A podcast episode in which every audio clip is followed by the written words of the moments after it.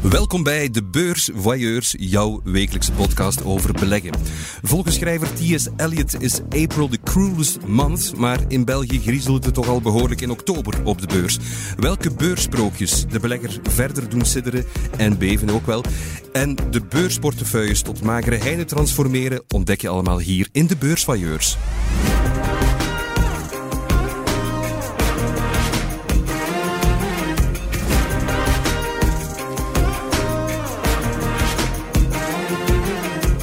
Ik ben hier gelukkig, uh, maar niet alleen vandaag, maar in het bonte gezelschap van Ellen Vermorgen van de Tijd en van Geert Smet van de Belegger. Welkom Geert en Ellen. Dag allemaal. En omdat er in onze krant dagelijks bericht wordt over de Brusselse beurs, leek het ons niet uh, meer dan netjes om de baas van de beurs ook eens uit te nodigen. Het is niet alleen uit beleefdheid, voor alle duidelijkheid. Het is vooral uit onverdunde interesse natuurlijk. Welkom, Benoit van den Hoven, CEO van Euronext. Goedemiddag. Aangenaam, alles goed met u? Super, super blij om hier te zijn. Fantastisch. Ik ben ook heel blij u te mogen ontvangen. U volgde sinds de zomer, 1 juli als ik me niet vergis, Vincent van Dessel op als grote baas van de beurs van Brussel. Hoe bevalt het u tot nu toe? Het zijn super intense maanden geweest. Ten eerste de opvolging voorbereiden van, van Vincent. Hè. Allemaal introductiemeetings uh, links en rechts met een aantal klanten, een aantal banken om uh, een stand van zaken te doen rond de hoe dat zij de, de zaken zien, uh, hoe dat de commerciële relaties tussen uh, Euronext en, en hen. Ik heb ook mijn opvolgster uh, klaargestoomd om uh, mij, mij, te kunnen opvolgen. En uh, ja, nu sinds... Binnen de job die u deed, begrijp ik? Of, of ik dacht al meteen voor na uw legislatuur dat u zegt... Voor, dat zou heel voorzienig zijn. Op dat, nee, nee. nee, maar u, u werkte al voor Euronext. Ja, ik heb voordien vijf jaar bij de beurs gewerkt. ik ja. was head of listing, een soort commercieel directeur voor de genoteerde ondernemingen. Dus in contact met de, met de bedrijven die genoteerd staan. En bedrijven die mogelijk op een bepaalde dag een, een, een IPO zouden overwegen. Dus een, een listing zouden overwegen op Euronext Brussel. Ja.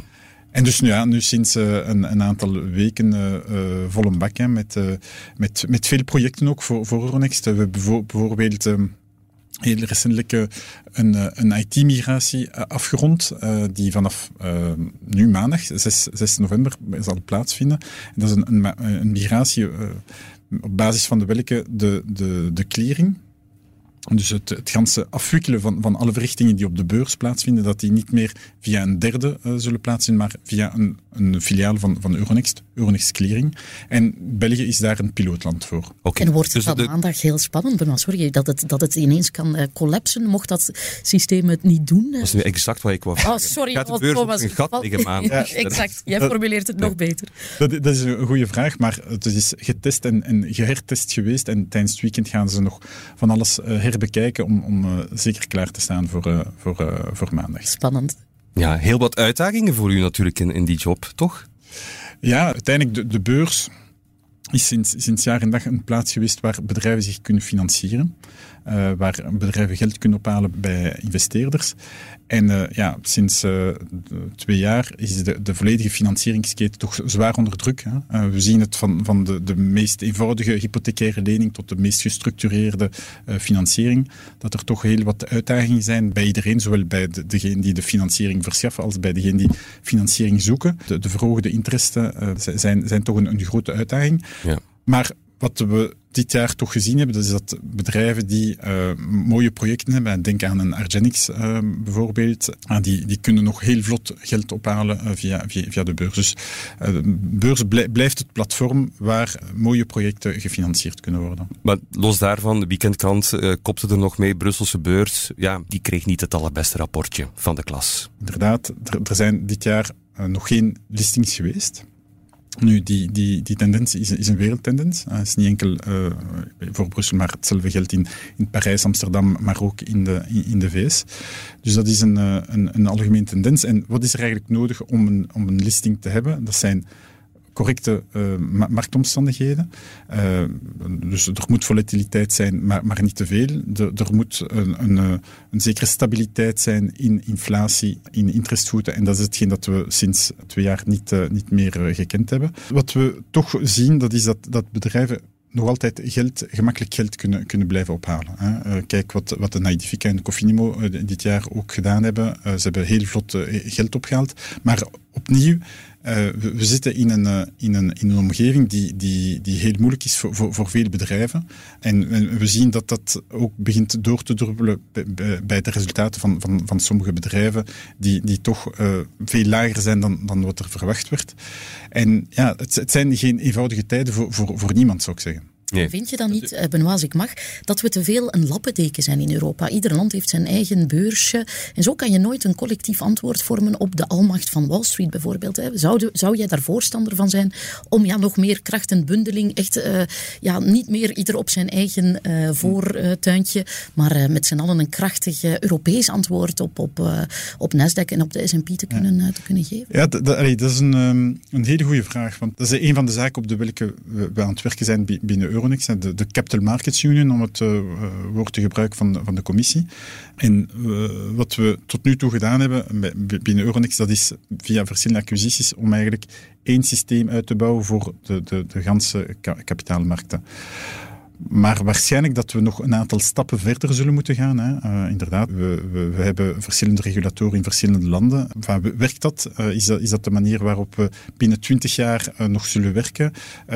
verschillende beurzen is dat ook een manier waarop dat we binnen 20 jaar nog zullen, werken.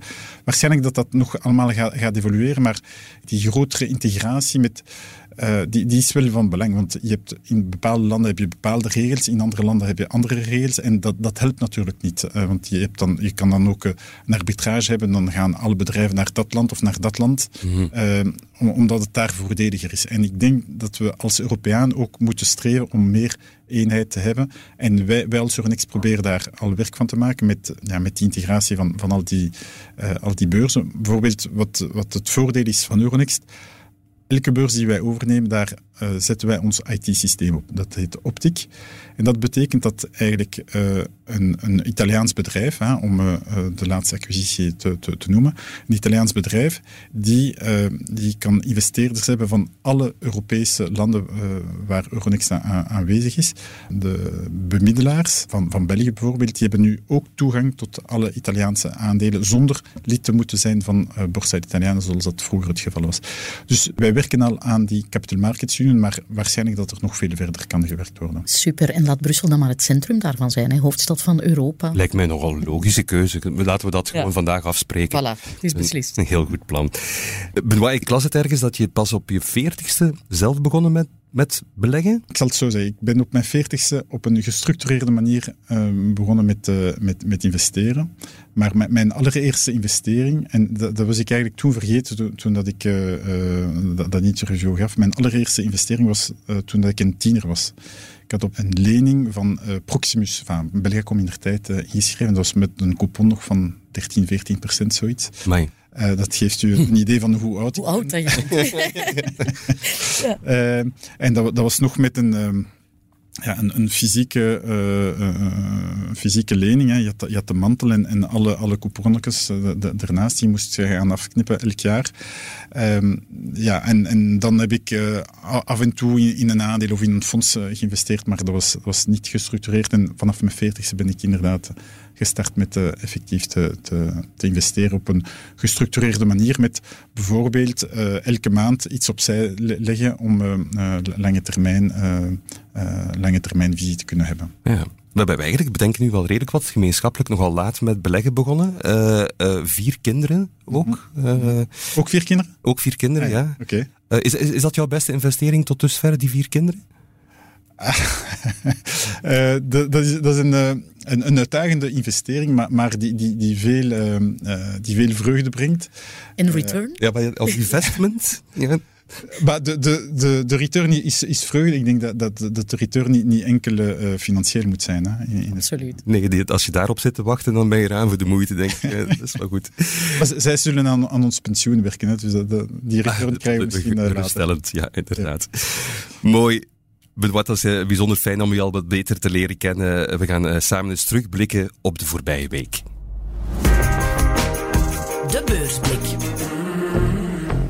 Ja, herfstvakantie betekent natuurlijk ook puntjes tellen, rapportjes op tafel moeten leggen en ernaast staan en hopen dat iedereen goed reageert. Ik ben heel benieuwd welke scores de voyeurs bijhielden deze week.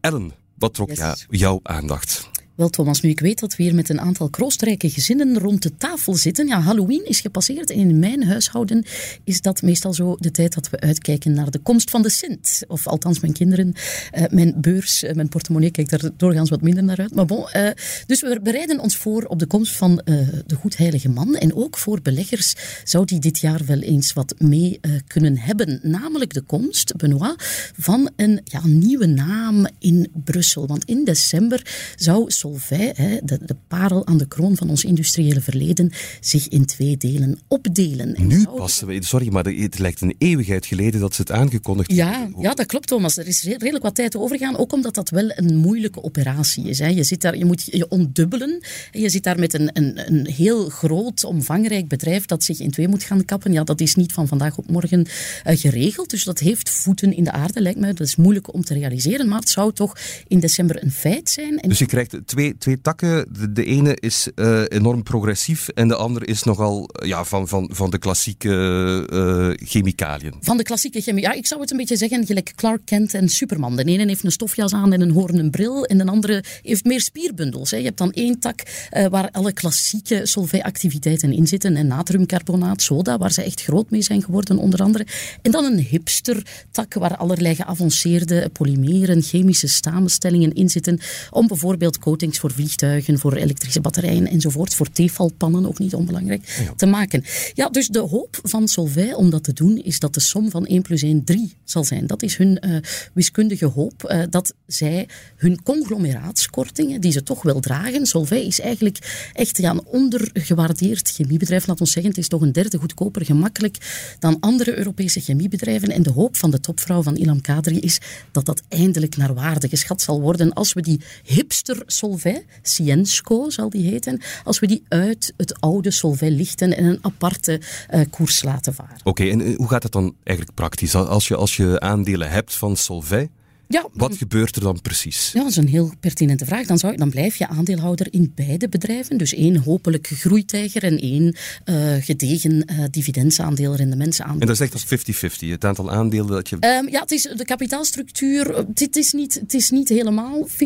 Ik denk het dividend wordt 60% bij het oude Solvay uh, gestopt, 40% bij het nieuwe. Dus er komen wat andere verdeelsleutels bij te pas. En goed informeren zal daar zaak zijn. Maar in principe als belegger is er ook geen fiscale uh, nadeel aan verbonden. Bij buitenlandse uh, spin-offs zien we wel eens dat de fiscus dan staat van Elaba, je hebt hier een nieuw aandeel in je portefeuille, we gaan daar een stukje van pakken. Omdat dit een puur Belgische, oer-Belgische operatie zal zijn, zal dat niet het geval zijn. Dus een belegger hoeft daar eigenlijk niet te vrezen en kan hopen dat er toch een herontdekking van Solvay, toch een, toch een duupje in die chemiesector, dat dat in de kaarten zal zitten. Ja, ja en nu de, domste vraag van de hele podcast, die komt traditiegetrouw van mij. Um, dus we krijgen dan een aandeel bij op de Belgische beurs. Hebben we dan vanaf dan de Bel 21, Benoit? Ah, een goede vraag. Dat is een hele goede vraag. Dat is een hele goede vraag. Een beetje uitleggen hoe dat het gaat hè, met, met, de, met de Bel 20, hoe dat, dat werkt. Um, uiteindelijk, uh, een index is, is onderworpen aan regels. Hè. Um, uh, die, en die zijn trouwens op onze website uh, beschikbaar. Dus daar kan je zien welke regels toegepast worden bij elke uh, jaarlijkse update. Maar om het kwartaal gaan, gaan wij nog een kleine herziening doen. Uh, zeker voor de BEL 20 is dat minimaal. De grote herziening is, is, in, is, in, is in maart. En daar heb je de intredens en uittredens van, van de BEL 20. Maar om het kwartaal kan er een nieuw bedrijf bij komen. Uh, als het een bedrijf is dat uh, in de top 10 geraakt van, van de, de, de, de, de BEL 20. Bijvoorbeeld voor een, een recente IPO, een hele, hele grote IPO. En dus die, dat, dat zijn de redenen die wij eigenlijk toepassen. Dus wij, wij krijgen de cijfers van, van het indexteam. En bijgestaan door een, een wetenschappelijk comité stellen wij vast wat de bedrijven zijn die mogen blijven in de BEL 20 of de bedrijven die uh, uit, de, uit de BEL 20 uh, moeten, moeten geraken. Um, en uh, ja, het, is, het is niet zo dat, dat wij bepaalde bedrijven er echt uit willen of er echt in willen. Dat, dat, is, dat is pure, pure feitelijk. Je hebt het niet te kiezen, nee. Ja, het is, nee, voilà, het is cijfermatig. Cijfermatig, inderdaad. Nu, wat er met Solvay gaat gebeuren, zoals Ellen uitgelegd heeft, hè, het bedrijf wordt in twee gesplitst. Daar zit je eigenlijk in, een beetje in een grijze zone. En daar heeft het wetenschappelijk comité eigenlijk een, een soevereine beslissingmacht. Daar kunnen ze beslissen of ze twintig bedrijven gaan behouden al, al dan niet met, met Ciensco erin, of dat ze tijdens een aantal maanden, hè, tot de, de volgende update van maart, dat ze 21 bedrijven zullen... Uh, ah ja, okay. Wauw, dus het kan oh. zijn dat we tussen december en maart een Bel 21 gaan hebben. Dat zou wel... Ja, en, en het is al gebeurd in het verleden, zoals dat er op een bepaald ogenblik ook een Bel, Bel 15 of Bel 19 uh, geweest is. Nu, het antwoord komt op de dag van de Sint, hè, op 6 december na beurs, uh, komt het wetenschappelijk comité uh, samen. Kijken wat er in de schoentje ligt dan. Ja. Voilà, inderdaad, ja. ja. Allee, spannend. Dankjewel, Ellen. Benoit, wat heb jij voor ons meegebracht? Het nieuws rond de Worldline meegebracht. Line heeft uh, verleden, jaar, ver, verleden week uh, zeer teleurstellende resultaten gepubliceerd. Worldline, dat is toch het bedrijf dat uh, financiële transacties regelt? Ja, ja. en dus het aantal transacties is, is naar beneden gegaan. veel meer dan, dan verwacht. En de, ja, de, de koers heeft min, min 50% ge, gecrashed. En waarom breng ik dat nieuws mee? Ten eerste, ja, toont dat wat we zien op de markten vandaag, waar veel beurskoersen toch naar, naar, gezakt zijn en naar een veel lager stadium zijn gegaan dan wat ze uh, anderhalf jaar, twee jaar geleden zaten, dat dat zich nu ook vertaalt in de hele economie. Het is, uh, en ten tweede ook om een beetje ook uh, uitleggen hoe, dat het allemaal werkt rond um, uh, ja, crashende aandelen. Wat, wat, doen wij als beurs om dat uh, te, te, verhelpen en ervoor te zorgen dat ja, als er een crash is, dat dat een echte crash is en dat dat niet een, een vet vinger is, zoals we dat noemen. Dus een, iemand die verkeerdelijk op de, de, verkoopknop gedrukt heeft voor een heel groot pakket aandelen, waar dat, dat eigenlijk niet, niet had moeten doen. Het feit dat Worldline echt 50% crash, dat is, dat, is niet, dat is niet niets. Is dat echt alleen maar te wijten aan het feit dat mensen gewoon minder aan het kopen gaan en die Mastercard of die, uh, om te even welke creditcard minder gebruiken. Is dat de reden daarvoor? Maar markten hebben, hebben soms de, de, of, vaak de neiging om over te reageren op, slecht nieuws. En ja, ik denk dat, dat we eh, hier ook aan, aan, aan de verkopers moeten vragen: oké, jullie hebben aan een zeer lage prijs verkocht. Uh, waarom hebben jullie dat, uh, dat, dat, gedaan? Ik denk dat, dat zij die, dat, antwoord mo moeten, moeten geven. Maar ja, wanneer dat er slecht nieuws is en je zit in een, een uitdagende economische context, dan, dan denk ik ja, dat, dat markten nog altijd heel sterk gaan, gaan, gaan overreageren. En dat is misschien wat er hier gebeurd is bij, bij Worldline. Paniek. Ja. Ja, Thomas, Thomas, we hebben in de tijd van COVID heel snelle groei gehad van het e-commerce verhaal. En bij het e-commerce verhaal hoort natuurlijk online betalingen. Die zijn heel sterk gegroeid en nu krijg je normalisering. Ja. Maar die bedrijven hebben zich opgeschaald tot echt digitale spelers. Als ze dan de groei een beetje afneemt en de kosten blijven hetzelfde, dan uh, daalt de winst eigenlijk pijlsnel. En het is niet alleen bij Worldline zo, maar ADN, het Nederlandse betaalbedrijf, is ook afgelopen zomer gecrashed, omdat het management zei, ja, de kosten blijven hoog, maar we hebben minder inkomsten, maar we gaan toch die kosten of die investeringen die we doen eh, op een hoog pijl houden. Hetzelfde is gebeurd met de Amerikaanse PayPal. Uh, dat is gedecimeerd op een paar, uh, paar jaar tijd. Uh, ja. Gewoon omdat de kosten hoog blijven en de opbrengsten even minder groeien dan verwacht. Oké. Okay. Geert, wat heb jij meegebracht? Wel, ik, heb, ik ga het hebben over de afslachting, mag ik wel zeggen, bij de groene energieaandelen. Vooral de jongste weken en maanden uh, zitten die echt in het slop. En dat heeft te maken met onder andere de hogere rente. Waar eh, zij, zij zitten vooral actief in uh, zeer grote projecten. Uh, die heel veel geld opslorpen, heel veel investeringen vergen. Ja, met een hogere rente worden die al wat minder goed gefinancierd. Ja, dan heb je natuurlijk tegelijkertijd ook alles wat met materiaal te maken heeft. Staal is veel duurder geworden. De inflatieomgeving heeft toch gewogen. Um, die projecten worden uh, niet vandaag beslist en morgen uitgevoerd. Daar loopt meestal een hele periode over, enkele jaren. Dus als je als investeerder gezegd hebt tegen uh, ik ga een windmolenpark bouwen bijvoorbeeld en ik bouw dat in 2025 en je hebt daar rendementsdoelstellingen voor, ja, die kan je nu gewoon in de vuilbak gooien, want door de inflatie en door de hogere rente is je, is je rendement gewoon weg. Ja. En uh, dat is eigenlijk gestart met Orsted, een Deense speler uh, in windenergieparken, die beheerder is van windenergieparken. Die heeft in het begin van de zomer gezegd, ja, we verdienen er niks meer aan we gaan die parken, uh, of die, die licenties die we betaald hebben om die parken te plaatsen, we gaan die gewoon in de boeken zetten en afschrijven, want we verdienen daar niks meer aan. We gaan daar niks meer aan verdienen in de toekomst. Dus ofwel moet terug de overheid inspringen met subsidies, ja. ofwel haken we gewoon af.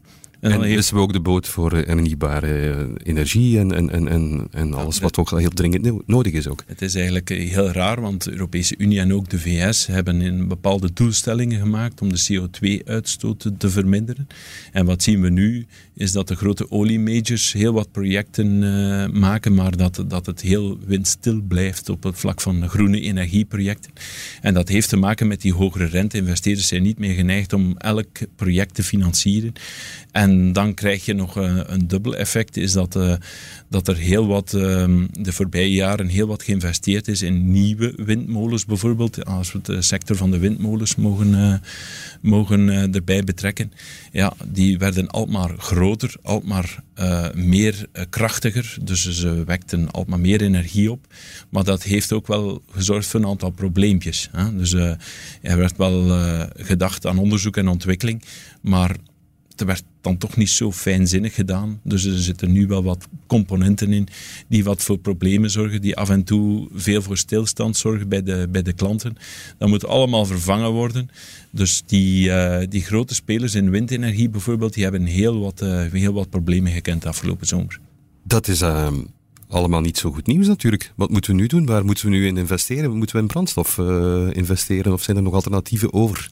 Wel, je hebt natuurlijk nog grote alternatieve energiebedrijven die, die het wel goed doen. Ik denk dan maar aan de spelers in, in waterstof, die effectief de waterstof leveren, de Air Liquides, de Lindes van, van deze wereld. Die doen het nog altijd uh, prachtig. Die zitten uh, actief in industriële gassen. Die doen natuurlijk naast waterstof nog een heel pak andere gassen, zoals zuurstof, uh, die ze leveren aan ziekenhuizen en zo. Dus dat blijft eigenlijk een redelijk consistente groeibusiness. En dan, ja, wat ik zeker zou vermijden als tip, is bedrijven die heel veel cash nodig hebben. Dus je hebt de bedrijven die onder andere investeren in groen, nieuwe groen op groene energieprojecten die heel veel cash nodig hebben, die momenteel nog zwaar verlieslatend zijn, ja, die hebben, zoals Bernard zei, heel veel kapitaal nodig. En momenteel zijn investeerders daar toch wel een beetje terughoudend voor. Ik denk dat dat uh, ja, een beetje de ongemakkelijke waarheid is, Geert. Een beetje een inconvenient truth, dat we met z'n allen dat ESG-belegging gingen, gingen omarmen. Hè. Volgens duurzame principes beleggen. Er is heel veel geld naar gevloeid uh, de afgelopen jaren. En dat dat toch een beetje een desillusie is voor velen die denken, ik ga mijn geld, mijn spaargeld, uh, in de economie van de toekomst pompen, namelijk groene energie. En dat nu blijkt dat dat ja, zeer moeilijk te rentabiliseren is. En dat die beleggingen, of het nu op fondsniveau is op, of per individueel aandeel, dat die niet om aan te zien zijn op dit moment. Hè. Als je kijkt naar de koers van Alphen, van Siemens Energy, waar jij naar wijst, van Orsted, ja, dat zijn drama's. En dat is voor veel mensen toch van, oeh, dit was nu toch de toekomst. We gingen hier toch allemaal uh, op springen. Dus ik denk, ja, ja, dat dat, ja, ik vind het uh, triest om vast te stellen. En ja, het kan echt wel een knauw geven aan ESG-beleggen als geheel. En ja, toch vraagtekens opwerpen bij ESG-beleggen. Eh. En ik, ik, denk ook dat je op termijn met die heel kleine bedrijfjes die actief zijn in groene energie, dat je daar een consolidatiegolf gaat krijgen. En de meest sterke bedrijven van vandaag, die de meeste cashflow genereren, gaan die allemaal opslorpen om een inhaalbeweging of een inhaalrace naar groen te versterken. Ik voel een thema-uitzending komen. Ja, hè? we gaan een special we maken. Een special rond moeten maken, want het is een heel belangrijk thema. Dat voel je op alle mogelijke manieren, maar er is er eentje ontzettend onrustig aan het worden. Laat dat nu net Wanda zijn. Dat wil je niet als ze heel rustig wordt. rustig is al meer dan ellendig genoeg. Onze vragencomputer bij de tijd is dat Benoit.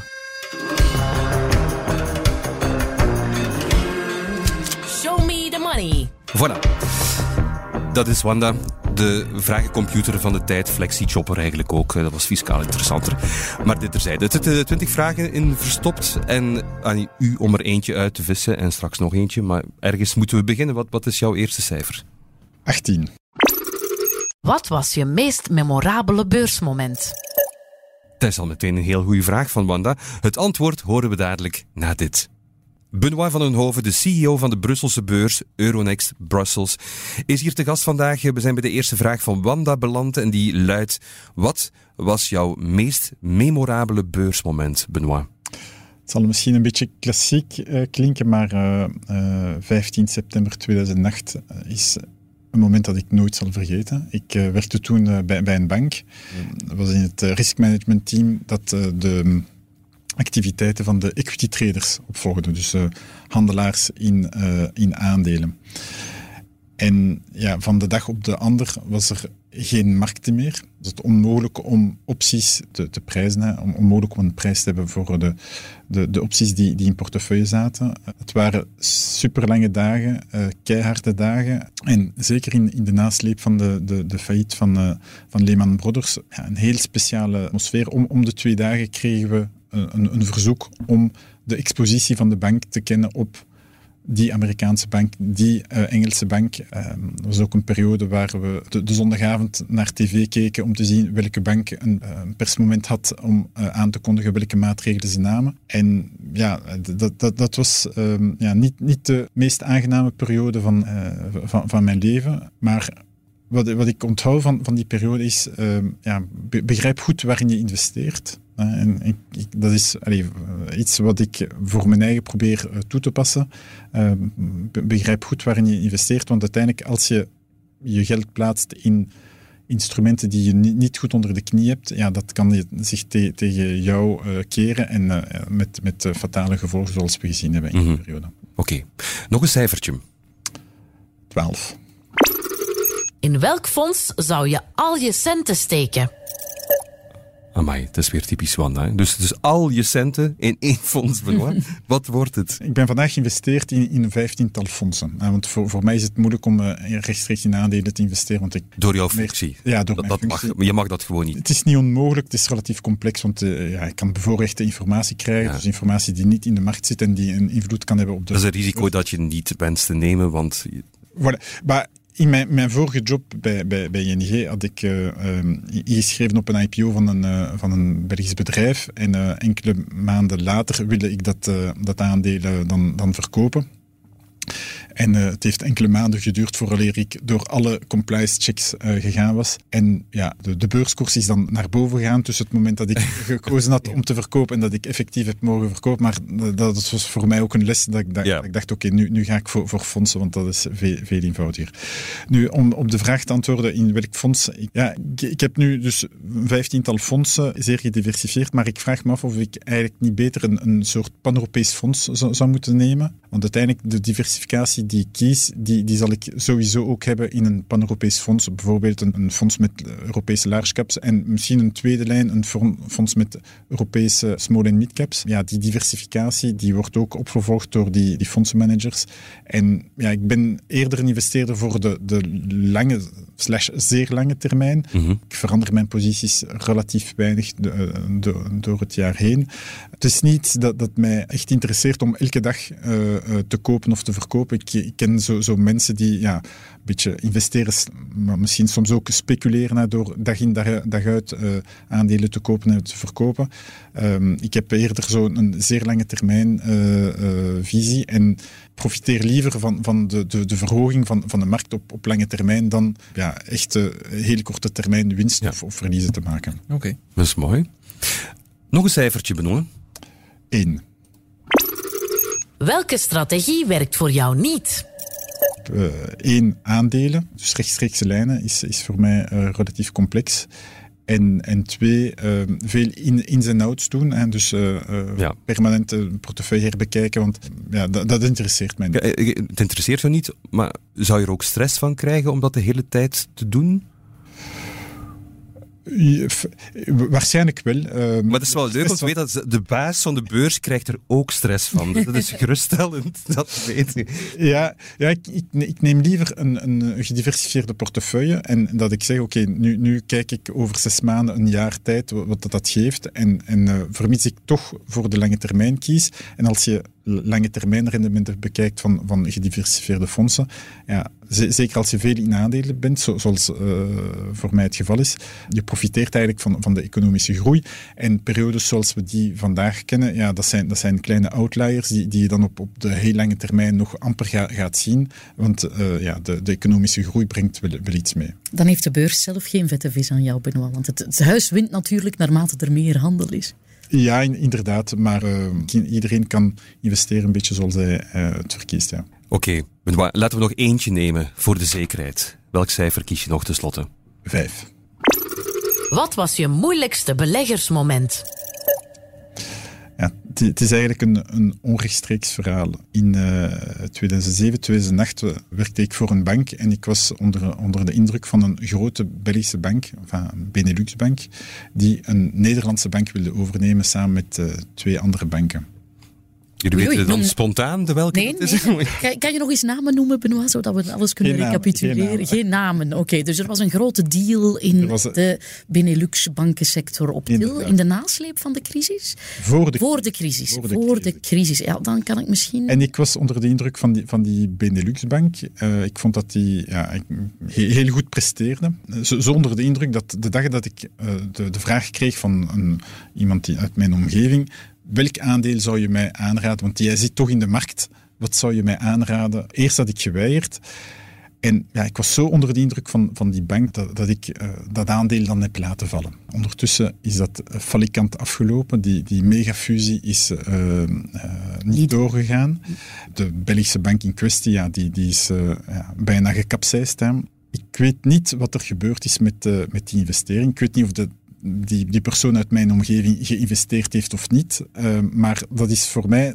Je hebt hem nooit meer gezien. Ik heb die persoon Echt nooit meer gezien. Gelukkig maar. Gelukkig maar. hè.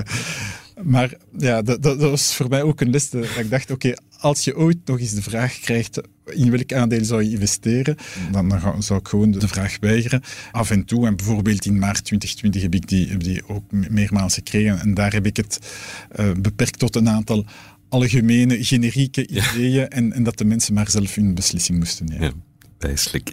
Dankjewel, Benoit. Je hebt Wanda prachtig doorstaan met glans. Eh, tijd om iets terug te geven aan ons publiek. Eén luisteraar in het bijzonder heeft hulp nodig. De hulplijn. De hulplijn, het zegt het zelf, dat is een lijn waar wij graag hulp bieden met, eh, wij bedoel ik de specialisten hier aan tafel. Ik stel gewoon de vraag, wat is uw vraag? Zo simpel is het. Vandaag hebben we Laurens aan de lijn. Hallo, dag Laurens. Hallo, dag Hallo. Laurens. Wat is jouw vraag? Mijn vraag is de volgende. Eh, jammer genoeg ben ik in het bezit van een bepaald centjesaandeel op de Brusselse beurs. Dus een aandeel dat minder waard is dan 1 euro. Ehm, en dat bepaalde aandeel was uiteraard voordien veel meer waard, tot de koers eh, helemaal implodeerde, jammer genoeg. Ehm, en ik ben dan eens gaan kijken naar de andere eh penny stocks die noteren op de Brusselse beurs. En ik merkte toch wel een aantal kneusjes op, ehm, zoals Accentis. Eh Biocartis, eh Oxurion en er zijn er nog een aantal andere. Ehm, en ik vroeg me dus af of er op de Brusselse beurs meer eh, van die zogenaamde penny stocks noteren dan op andere beurzen. En waarom die aandelen daar eigenlijk nog noteren. Wat is het voordeel daarvan? Want zou er niet iemand die bedrijven eigenlijk heel goedkoop ehm, van de beurs kunnen halen, bijvoorbeeld? En misschien mijn belangrijkste bijvraag: eh, is er voor mij nog enige hoop eh, dat de koers van, eh, van mijn pennystock herstelt tot een aanvaardbare waardering? Of zijn die aandelen eigenlijk gewoon ten dode opgeschreven? Wel, ik heb het nu eens even rap zitten bekijken. We hebben er zeven in Brussel, Laurens. In Amsterdam hebben we er vijf. En dat is verhoudingsgewijs een grotere beurs. Dus je, je conclusie zou kunnen kloppen dat ze misschien in Brussel iets meer vertegenwoordigd zijn Maar- dan op de buurindexen. Maar ik zeg het, dat is even eh, door hier snel te piepen en niet, eh, daar is geen eh, diepgravend kwantitatief onderzoek eh, naar gedaan. In, in Amsterdam is er ongeveer evenveel genoteerde bedrijven als in Brussel. Ah, voilà, oké. Ah ja, dus oké, zo'n voilà, dan, is het ja, niet, hè? dan is het niet zo'n omvangrijk verschil. Maar ik snap jouw kater, hè, die je eraan hebt overgehouden. En ik snap ook je vraag van, kan dat nog goed komen? Eh, er zijn weinig voorbeelden van, maar er zijn er wel. Hè. Er zijn in de geschiedenis dus. penny stocks geweest die eh, goed zijn gekomen. Zelfs in Brussel. In Brussel hebben we met Texaf het mooiste voorbeeld. In de, rond de millenniumwissel was Texaf, dat is een holding die actief is in Congo, was die 30, 40 eurocentjes waard. Peanuts. Maar dan is dat een bedrijf geworden, een holding dat een gigantisch groeiparcours heeft opgezet door een expatwijk in Kinshasa helemaal te gaan uitbouwen. En dat is nu de place to be in Kinshasa voor expats die daar willen wonen, willen in een Texaf-woning wonen. Koers staat nu boven de 30 euro. Dus ook in Brussel, er zijn wederopstandingen mogelijk. In de VS zijn er meer eh, voorbeelden. Hè. Apple heeft met een centje-status geflirt. Ford, eh Mylan... eh, Apple, echt waar? ja, ja, allee, ja, bijna. Ja, ook Ja? rond de millenniumwissel was dat enkele dollars. eh, als je het, dus ja, het is niet stricto sensu een pennystock geweest, maar als je kijkt, er zijn wederopstandingen mogelijk. Maar Laurens heeft is- natuurlijk wel gelijk, want ja, er zit altijd wel een geurtje aan, aan aan dergelijke aandelen. Ze zijn niet natuurlijk geïntroduceerd aan 2 eurocent of 3 eurocent. Er is iets zijn aan de altijd hand. naar geëvolueerd. Ja. Is dat eh, door slechte resultaten? Is dat door mega kapitaalverhogingen? Je ziet dat nu recent ook met de biotech-verhalen. Moeten heel wat geld ophalen tegen heel lage koersen. Ja, dan moeten ze meer aandelen uitgeven en meer mondjes worden dan gevuld. Dus automatisch trekt dat de koers naar laag. Maar het is wel bedriegelijk om te zeggen van eh, je kan dat goedkoop kopen, die centjes aandelen, want die zijn daarvoor niet altijd goedkoop. Hè. Er zijn centjes aandelen bij die enkele honderden miljoenen eh, euro's waard zijn. Eh zijn er natuurlijk niet allemaal. Eh, er zijn er ook een paar met enkele 6 of, of 10 miljoen euro beurswaarde die, die, ja, die, die, die, die achtergebleven zijn. Maar ja, om daar de koopjes uit te zoeken is, is heel moeilijk. eh, Ja, het nodigt uit tot speculeren en dat is het jammer eraan. Eh, ja, het is, hè, en natuurlijk, een- als je koers 0,001 eh, euro is en je gaat naar 0,002, lijkt dat een kleine beweging, maar dan heb je wel een koersverdubbeling en dat nodigt traders uit om zich daarmee te gaan vermaken. Ook weer iets dat het huis dan ten goede komt, want de handel in die aandelen is doorgaans wel driftig, om het zo te zeggen. Maar ja, ja ik vind het dan, Biocartis heeft het recent gedaan. Ze hebben gezegd, sloes, eh, we gaan gewoon er een streep onder trekken. We, hebben, we zijn er niet in geslaagd om waarde te creëren voor aandeelhouders en zien dat ook niet gebeuren. Dus dan weet je als belegger ook waar je aan toe bent, dat je bent uitgewist. We zullen het misschien allemaal wel eens meemaken, hè, Laurens? Ik denk, iedereen zal wel eens een belegging naar nul zien gaan, hoe tragisch dat dat ook is. Ehm, maar dat is dan misschien nog, heeft dan misschien nog enige merites dat Biocartis eerlijk toegeeft hè, en zegt van oké, eh, we trekken er een streep onder. Anderen blijven een beetje als spookbedrijf eh, op de beurs ronddwalen. Maar wat zou je nu doen in de plaats van... ehm, In de plaats van Laurens. Laurens. Ja, dat is een goede vraag, Geert. Eh, jij als eh, analist, wat doe je met zo'n pennystok als je hem hebt? Ja, dat is natuurlijk eh, af, af te vragen hoe, hoeveel weegt het nog in heel je portefeuille en loont het nog om dat pennystok te verkopen? Zijn de kosten niet meer eh, aan transacties dan, eh, dan de mogelijke opbrengsten? Als je natuurlijk weet dat een bedrijf sowieso richting eh, faillissement afdaalt. Ehm, zoals bijvoorbeeld een Hamon was ook heel lange tijd een, een pennystok, is dan eh, helemaal eh, richting nul gegaan. Ja, dan moet je op tijd daar Ja. afscheid van pakken en dan kun je dan misschien met het bedrag dat je krijgt nog eens gaan eten. Maar me- meer... eh, Om afscheid te nemen van, van een penibele, ja. penibele belegging die we allemaal, Laurens, voor de duidelijkheid, wel eens hebben. Hè. Geen Bedrijven kunnen dat wel oplossen door een reverse split te doen. Dat is een groepering van een aantal aandelen in één. Hè, Dus ze- bijvoorbeeld ze kunnen kiezen van, kijk, ja, we hebben 100 bestaande aandelen, we gaan die hergroeperen naar één aandeel. Maar om een of andere reden in Brussel wordt daar weinig eh, voor geopteerd. En dan denk, kijk ik naar Benoit, is, dat, is daar een reden voor? De kostprijs te hoog misschien? Of? De, de, de kostprijs is enkele duizenden euro's. Ehm, ik- wij hebben al gesprekken gehad met een aantal bedrijven die het overwogen hebben, die, die nog niet over de streep gegaan zijn. Ik weet niet wat, wat de redenen daarvoor zijn, maar eh, eh, het is inderdaad mogelijk om ja, wat we een reverse merger eh, noemen te, te doen. Oké. Laurens, ben je hier wijzer van geworden? Heb je nu eh, een strategie? Iets, Ja, een plan? ehm, ik, ik leefde zelf heel lang op hoop, maar, ehm, maar mijn aandeel noteert echt al heel lange tijd op een, op een zeer laag niveau. En, en dus de, het gewicht binnen mijn portefeuille is ook ehm, ja, gereduceerd tot zo goed als, als niks. En aangezien het al zo lang echt zo laag noteert, moet ik er misschien binnenkort gewoon maar een streep onder trekken, want het is echt wel het lelijk- lelijke eentje binnen de portefeuille. Voilà, dan vind ik Geert tip ideaal. Nog een keer, als er nog iets eh, in zit, om er een keer eten. goed, eh, al dan niet bij de kwik Ja. eh, mee te gaan nemen. Ja, inderdaad. Het zal zoiets zijn. Bedankt voor jouw fijne vraag, Laurens. Als je er Dank nog hebt, eh, je weet ons te vinden. Hè. Dank u wel. Ciao. Laurens. Bye bye. Dag. En als u zelf nog een vraag heeft, altijd welkom je weet weg te vinden. Mocht je het echt eens live willen doen, kan zeker ook. Want als je nog geen plannen hebt op zaterdag 18 november, dan organiseren wij Finance Avenue met een live uitzending deze keer van de beurs Voyeurs en eh, ook wel een heel speciale aankondiging die nog volgt. Dat nieuwsje vertellen we dan volgende week, maar kom zeker langs. 18 november vindt alles via tijd.be.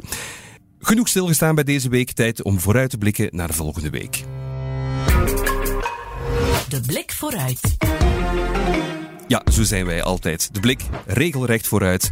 Vooruitziende voyeurs, zo noemen ze ons ook wel eens. Goed, eens luisteren naar wat onze voyeurs nu al hebben aangestipt in hun agenda, al dan niet in het rood. Ellen, waar kijk jij naar uit? Yes, het is een beetje saai allicht, maar ik blijf wat in cijfermodus. Hè. Er zijn nog een aantal grote kleppers die de revue zullen passeren. En bij mij rood omcirkeld is KBC, volgende donderdag 9 november.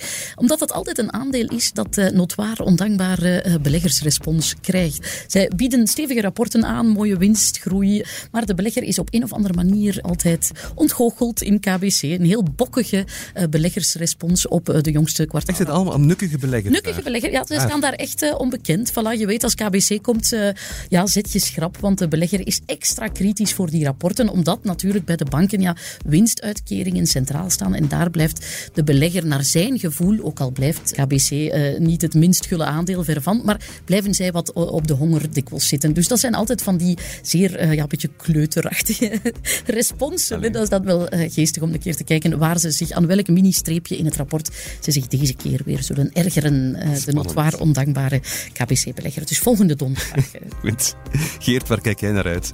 Wel, nu het resultatenseizoen stilaan afloopt, kijk uit naar de investeerdersdagen die, die eraan komen.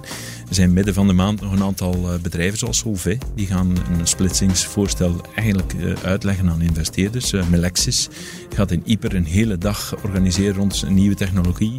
Econocom gaat ook zijn lange termijn doelstellingen aankondigen. Maar volgende week komt Adyen op uh, 8 november.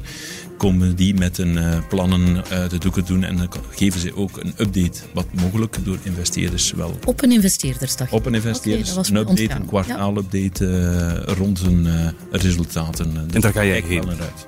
Uitstekend. Het zal digitaal zijn, maar maar we keuren het goed, Geert. Dat is echt prima. Zit alleen geen verplaatsingsbolletje in.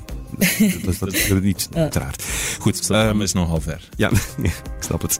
Benoit, wat, uh, wat biedt voor jou de toekomst? Uh, waar kijk jij naar uit? Ja, ik kijk uh, iets, iets verder voor, vooruit. 4 september 24. Dat is de, de datum van de terugbetaling van de staatsbond, de 22 miljard. Ah ja. En als je kijkt wat er gebeurd is, dat, dat, is voornamelijk spaargeld dat omgevormd werd in investering, want een staatsbond is een, is een effect, dus dat is een investering. En ik kijk uit hoe dat eh, die 20 miljard terug gaan vloeien naar de, reële economie. Of dat ze allemaal teruggaan op een spaarboekje, ofwel dat ze eigenlijk terug geïnvesteerd worden in beursinvesteringen of in uh, obligatieleningen die zouden opgehaald worden door, um, do, door bedrijven of door uh, andere publieke instanties zoals de, de gewesten of um, de gemeenschappen. Dus ik, ik vind dat uh, ja, die, die staatsbond creëert een fantastische opportuniteit om eigenlijk uh, geld te, te, herinvesteren in de, de, de reële economie. Ja, laat ons hopen dat het niet uh, allemaal terug op spaarboek. Ja, maar wat denk je eigenlijk echt, wat dat het gaat zijn? Want ja, de Belgen bekennen zich wel een beetje. Meteen ja. weer herinvesteren of toch vrolijk terug de spaarboek op. Maar als je, als je kijkt wat er gebeurd is in, maart 2020 bij, bij de COVID, um, enorm veel Belgen hebben dan een opportuniteit gezien om uh, te, te, starten met te, te, te, investeren of opnieuw te starten met, uh, met te investeren. Um, dus bij Belgen, wanneer dat ze een, een, een, mooie opportuniteit zien, dan, dan springen ze erop. Dus ik hoop dat er ja, tegen dan ook in, in de aanbieding, en dat is ook iets dat ik zeg aan bedrijven, dat, dat is een, eigenlijk een, een moment waar, waar dat je een, een opportuniteit hebt om, ja. om, geld op te halen. Dus waar ik kijk, kijk uit naar wie, wie uh, bereid zal zijn om, uh, om op dat ogenblik uh, in de markt te zijn. En zullen we tegen die datum, die 4 september, ook wat nieuwkomers op de Brusselse beurstabellen hebben, denk je? Dat, is een hele goede vraag. Uh, als, als je vandaag kijkt wat er, uh, wat er ge gebeurt uh, met de, de lange termijnrente, die, die nog heel volatiel blijft hè, en die, die nog wat, wat beweegt, hè, de, Amerikaanse rente die rond de 5% zit, dat, dat zijn niet de beste mom momenten om naar de beurs te gaan. Nu, ik hoop wel tegen dan dat inflatie stabiliseert, dat de rente stabiliseert of zelfs zakkende is en dat we tegen dan ja, een of ander uh, bijkomend bedrijf op de beurs kunnen verwerken. Een of ander bijkomend bedrijf, daar zullen we het alvast mee doen. Uh, Benoit, dankjewel. Ik dank. Goed, dit was het voor vandaag. Ik bedank onze beursvoyeurs van dienst 11 vanmorgen en Geert Smet en natuurlijk onze bekende voyeur Benoit van den Hoven. Ook grote dank aan luisteraar Laurens voor zijn mooie vraag. Volgende week zijn we opnieuw met een gast die nog niet al te veel wou prijsgeven, behalve dit. Graag tot volgende week.